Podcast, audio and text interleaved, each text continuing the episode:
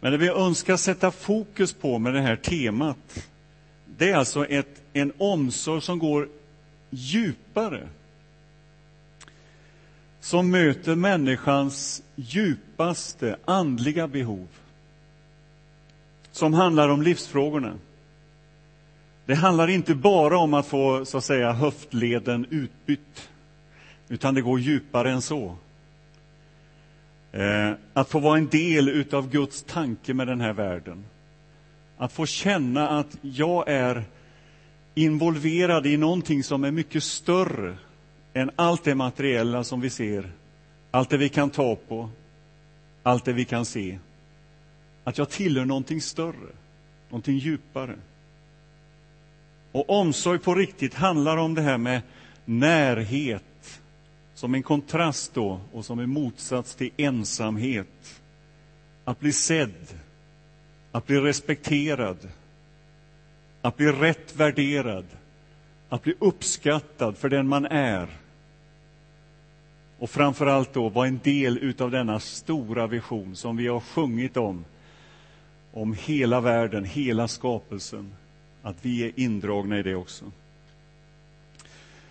Och jag skulle vilja läsa, att vi läser en text tillsammans som, som beskriver hur, hur Jesus möter en, en människa i sin ensamhet.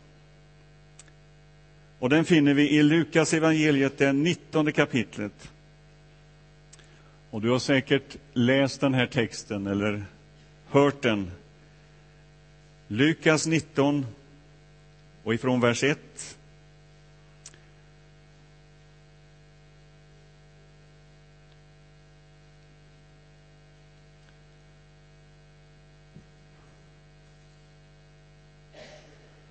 Jesus kom in i Jeriko och gick genom stan. Där fanns en man som hette Sackaios och han hade hand om tullen och han var rik. Han ville gärna se vem denne Jesus var, men kunde inte för folkmassan, för han var liten till växten. Han sprang i förväg och klättrade upp i en sykomor för att kunna se honom eftersom han skulle gå förbi där. När Jesus kom dit såg han upp mot honom och sa Skynda dig ner, Sackaios, idag ska jag gästa ditt hem. Sackaios skyndade sig ner och tog emot Jesus med glädje. Och alla som såg det mumlade förargat. Han har tagit in hos en syndare. Men Sackaios ställde sig upp och sa till Herren, hälften av vad jag äger, Herre, ska jag ge åt de fattiga. Och har jag pressat ut pengar av någon ska jag betala igen det fyrdubbelt. Jesus sa till honom, idag har räddningen nått detta hus. Han är också en son till Abraham. Och Människosonen har kommit för att söka efter det som var förlorat och räddade. För en tid sedan så lyssnade jag till en föreläsare, Mikael Bedrup heter han. Han är präst, föreläsare, företagare. Han är son till Bengt Bedrup, som många av oss som är lite äldre känner, som var sportreporter på tv. Mikael berättar om sitt liv hur han som tioåring började dricka alkohol. Hur hans liv trasades sönder, trots att han till det yttre hade ett, ett bra liv. Men omgivningen såg inte den, den utsatthet som han upplevde själv. Och hans liv var verkligen ett, ett kaos, en, en, en, ett trasigt liv. Men till det yttre så såg det bra ut. Han var på en mc-mässa, berättar han, alltså motorcykelmässa. Och där fick han en bibel, ett Nya testamente, utav någon. Och sen så berättar han om hur han fortsatte att läsa i den här och hur han upptäckte att här fanns det någonting som, som, som liksom väckte hans innersta. Och han beslöt sig för att gå på en alfakurs. En alfakurs som handlar om grunderna i den kristna tron. Och han säger själv, hade jag inte kommit på den kursen så hade jag förmodligen inte levat nu. Jag hade troligtvis varit död. Och så berättar han hur han upplevde, och hans tes är att vi har ett rum, alla människor, här inne. Han beskriver det så. Vi har olika rum, men ett rum är särskilt avsatt eller avsett för Gud. Och det är klart att det rummet, om inte det blir fyllt utav Gud, så försöker vi fylla det med någonting annat. Och så berättar Mikael hur han försökte fylla det rummet med alkohol. Och så säger han så småningom när han möter Gud i alfakursen och i bibelläsningen att Gud kom in i alkoholet. Det är bra uttryckt. Gud kom in i alkoholet. Och så berättar Mikael hur han tidigare hade jag gott om pengar, men jag var fattig. Nu har jag inte mycket pengar, men nu är jag rik, berättar Mikael. Och jag tror att för Sakaios, som vi läste om här, jag tror att han är någon liknande beskrivning. Även om det kanske inte var alkoholen som var hans stora problem. Men han var en, en, en person som kanske var den mest ensamma i hela Jeriko. Han var hatad av de flesta på grund av sin, sitt yrke. Han tog upp tull. Och det var ingen, ingen populär arbetsgrupp i den tidens samhälle. Därför oftast tog man ut för mycket. Och man pressade ut mer än vad som var skäligt. Han var säkerligen ganska rik, Sackaios. Men ändå upplevde han sin fattigdom på ett annat sätt. Och fram till den här dagen som vi läser i den här texten så hade Sackaios energi gått åt till att bygga upp en trygghet i pengar, i värden. Hans liv var säkerligen ett liv som var överförsäkrat. Och ändå var han otrygg. Ändå var det ett hål som saknade innehåll. Eller ett rum som inte riktigt var fyllt. Sakaios levde säkerligen i ett ensamhushåll, vad vi förstår av texten. Och det är naturligtvis inget fel i det. Det är många som gör det. Vi i Sverige ligger faktiskt etta i världen när det gäller ensamhushåll. Det handlar om två miljoner människor i det här landet som lever i vad vi kallar för ensamhushåll. Och säkerligen talar jag till många här som gör det. Man beräknar att, att 47 procent av Sveriges hushåll är ensamhushåll. Storstäderna har flest. Stockholm är det 60 procent, i Malmö 55 procent, i Göteborg är det 54 procent. Och de flesta som lever i ensamhushåll, det är gruppen 30 till 45 år. Och dessa siffror rymmer naturligtvis det vi kan kalla för frivillig ensamhet, men också ofrivillig ens ensamhet. Och det finns undersökningar på de här siffrorna som man kan ta del utav. Och de undersökningarna visar bland annat att ensamheten blir störst och svårast när man har som mest kontakter och är som mest uppkopplad och har sin almanacka som mest uppbokad. Då förstärks ensamheten. Alltså det finns en paradox i vårt samhälle där de som har flest kontakter löper större risk att drabbas av ensamheten som ett problem.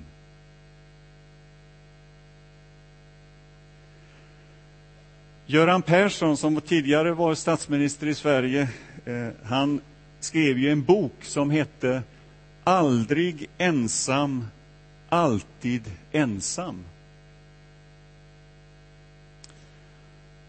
Och det kanske är en skildring utav den mest offentlige och hans verksamhet. Den offentligaste personen. Men titeln kanske beskriver den upplevelse som jag tror många delar. Aldrig ensam och alltid ensam. Sackaios var väldigt ensam och ändå var han känd utav alla i Jeriko. Alla visste vem han var och ändå var han ensam. Han var känd, men ändå stod han utanför. Ingen frågade efter honom. Ingen såg honom. Och det illustreras så tydligt i den här texten, där han sitter på en gren några meter ovanför alla andra. Alltså, texten beskriver hans utsatthet. Där sitter Jerikos kanske mest kända person ovanför alla andra. Och det kanske är den känslan som många upplever i vår tid. Man är där och ändå inte.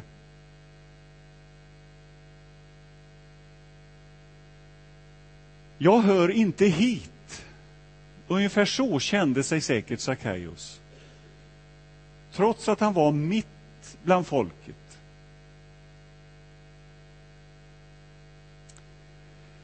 Och så kommer Jesus där, stannar till där Sackaios sitter på sin gren.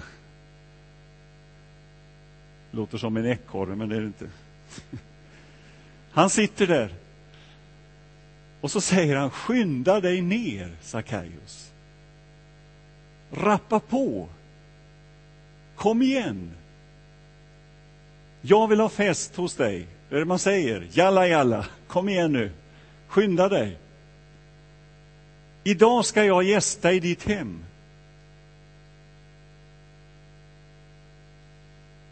Och han säger det till Sackaios som hade så att säga förlorat sig själv i allt sitt omhändertagande av sig själv. I alla sina kontakter han hade så hade han förlorat på något sätt sig själv. Rummet där inne var ännu inte inrätt och fyllt av han, Gud, Jesus, som är den enda som kan fylla det rummet.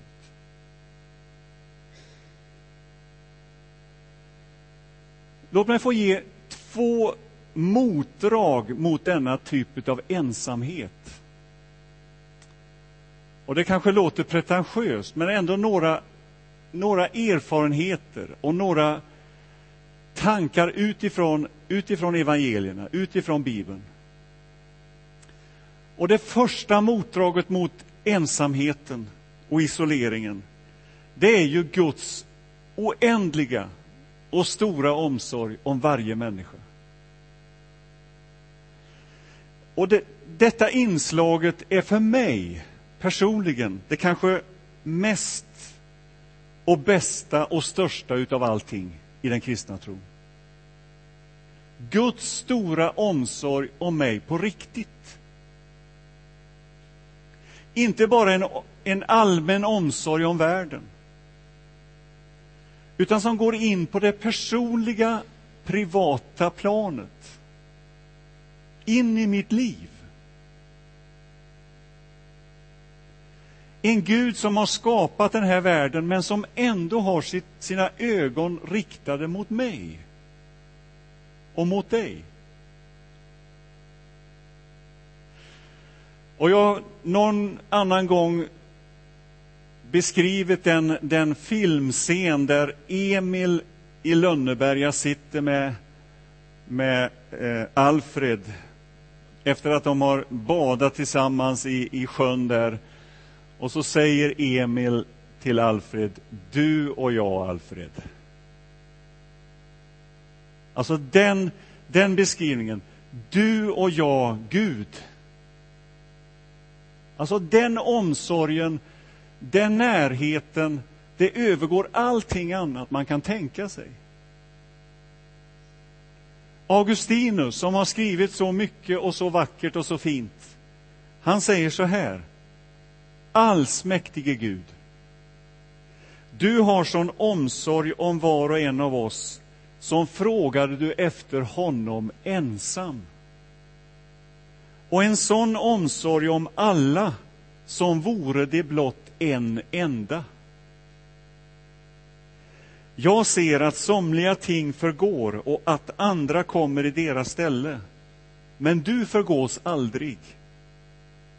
Min Gud och far, dig vill jag anförtro allt vad jag har tagit emot ifrån dig. Då ska jag inget förlora.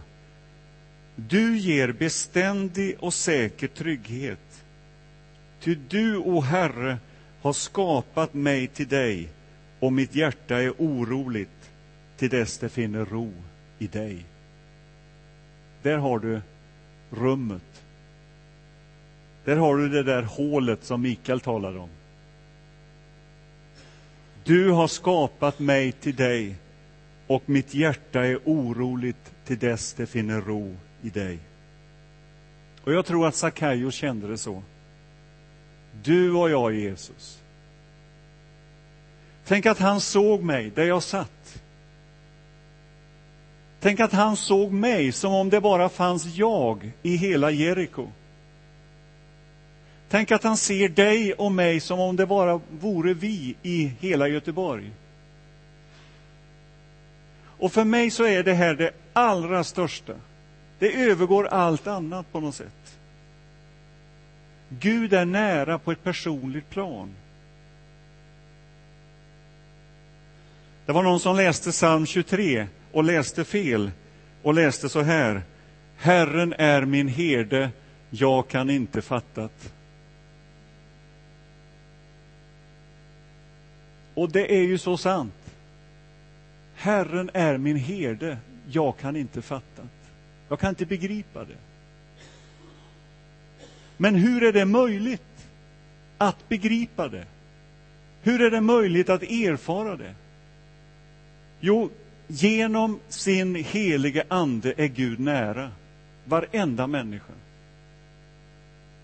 Och Jesus kallar anden för hjälparen. Jag älskar det uttrycket. Hjälparen. En som alltid är med oss. Och när Jesus talar om hjälparen i sitt avskedstal och förresten så är det värt att notera att när Jesus håller sitt avskedstal så talar han mest om hjälparen, om anden. Jag ska inte lämna er ensamma. Jag ska komma till er. Hjälparen, den heliga ande, ska bo i er permanent. Ett permanent inneboende in i det rummet som är avsett för anden, in i mitt liv.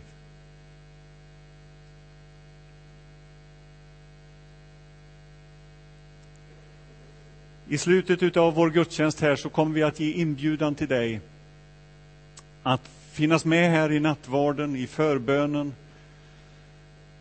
i lovsången, i tillbedjan. Och vi vill också säga, känner du att du vill be om helig ande i ditt liv? Alltså, det ligger inte på ett teoretiskt plan, utan en, en erfarenhet, en upplevelse utav att jag är inte ensam. Gud är här, i mitt liv, i mitt rum, i mitt innersta. Och känner du att jag, jag skulle vilja att ni ber för mig, att jag får den heliga Ande, så finns vi här vid förbönen. Och blir det nu fullt vid förbönsplatsen där, så står vi där och ber för dig om helig Ande över ditt liv. Den erfarenheten, den, den, skulle jag önska av hela mitt hjärta att du fick göra. Och jag vet att det är möjligt. Genom Anden kan denna erfarenhet utav Guds närvaro i ditt liv bli en verklighet. Sakaios, idag vill jag komma hem till dig. Och det är på det viset att du är, du är en människa och du är en andlig varelse. Och förnekar du det så kommer det rummet att stå tomt. Och det rummet måste fyllas av någonting annat eller någon annan.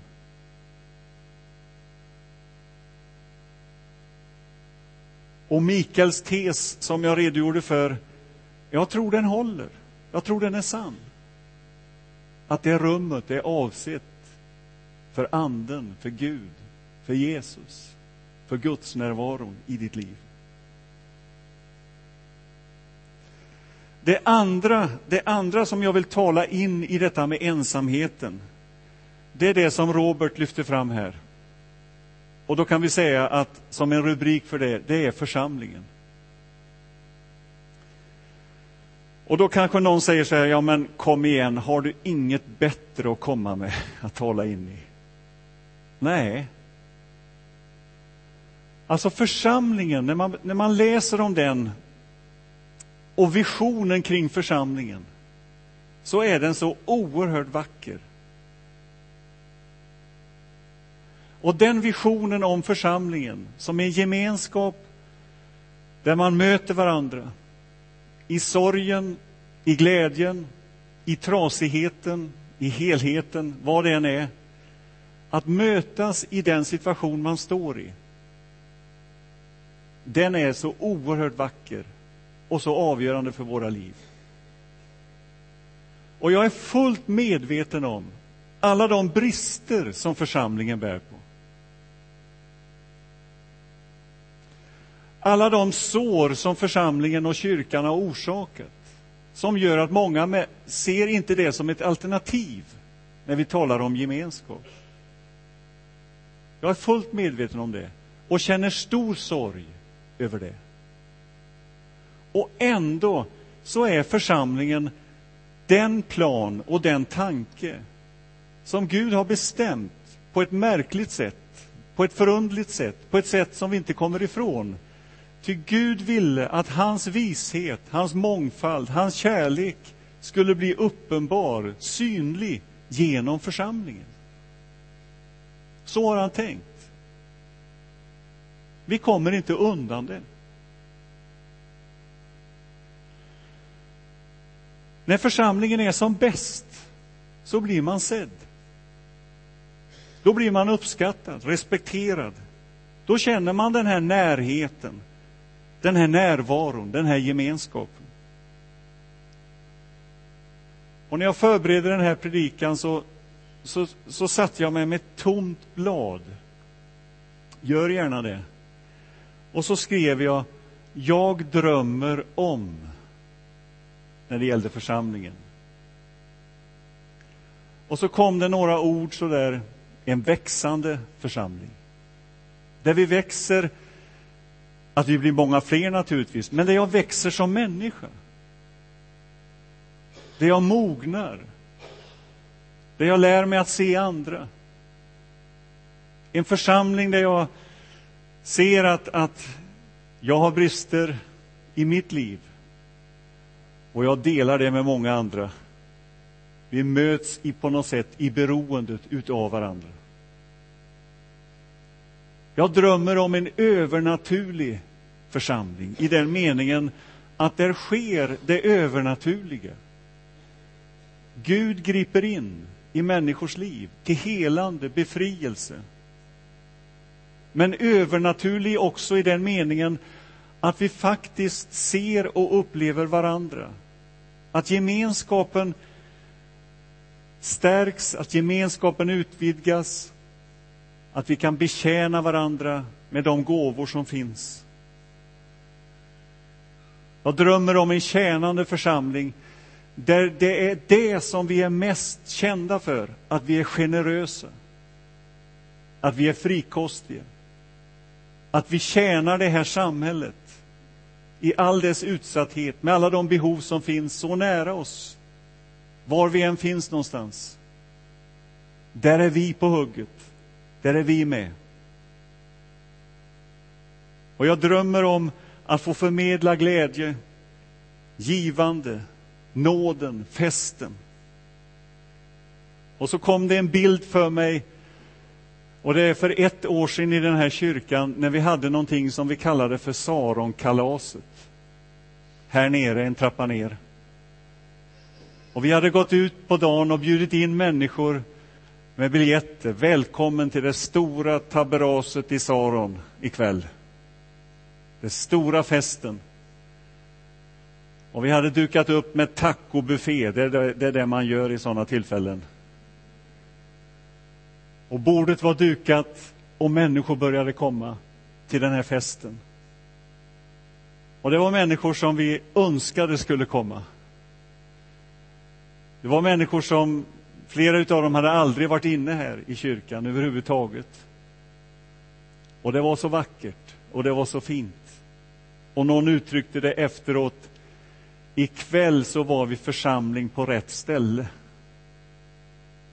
Eller vi var församling när den är som bäst. Och nu vet jag att det behöver inte ske på det sättet. Det var ett exempel. Det kan ske på så många sätt. I en huskyrka, i en husgrupp, i ett hem. Var vi än är, så kan vi få vara de som dukar upp det här tacobuffén och bjuder in människor in i gemenskap, in i närhet. Att få smaka på den, den goda, de goda frukter som vi själva får fått smaka på i gemenskapen med Gud, med den helige Ande. Så om jag skulle sätta upp ett stort plakat här, mitt valmanifest, mitt valplakat, så skulle det vara Välj församlingen. Välj församlingen. Gå in i församlingen och gör det om och om igen i den meningen att vi på nytt överlåter oss åt gemenskapen. Vi talade om det här på församlingsdagen på Nimbus och låt mig få stryka under det igen. Det handlar om en överlåtelse som får ske hela tiden. Att vi på nytt återerövrar den tanke, den vision som Gud har med församlingen. Att få bryta isoleringen, ensamheten, att få vara med om att skapa en gemenskap. Och jag tror det var det som Sackaios gav uttryck för när han helt plötsligt där vid kalaset började se människor runt omkring sig. Och han kände att generositeten började spira där inne. Jag vill dela fyrdubbelt igen. Jag vill dela med mig. Jag vill vara generös så som Jesus har varit generös mot mig. Så välkommen in i den, i den gemenskapen, i det livet. Låt oss be. Tack Gud att du ser oss, varenda en här inne. Inte som en grå massa, utan som personligheter. Du känner oss vid namn. Du kände Sakaios och du känner oss vid namn. Tack att vi får komma till dig. Tack att du bjuder oss in i din gemenskap, i ditt liv. Och tack för att du vill bo i våra liv, i våra rum. Kom, heligande.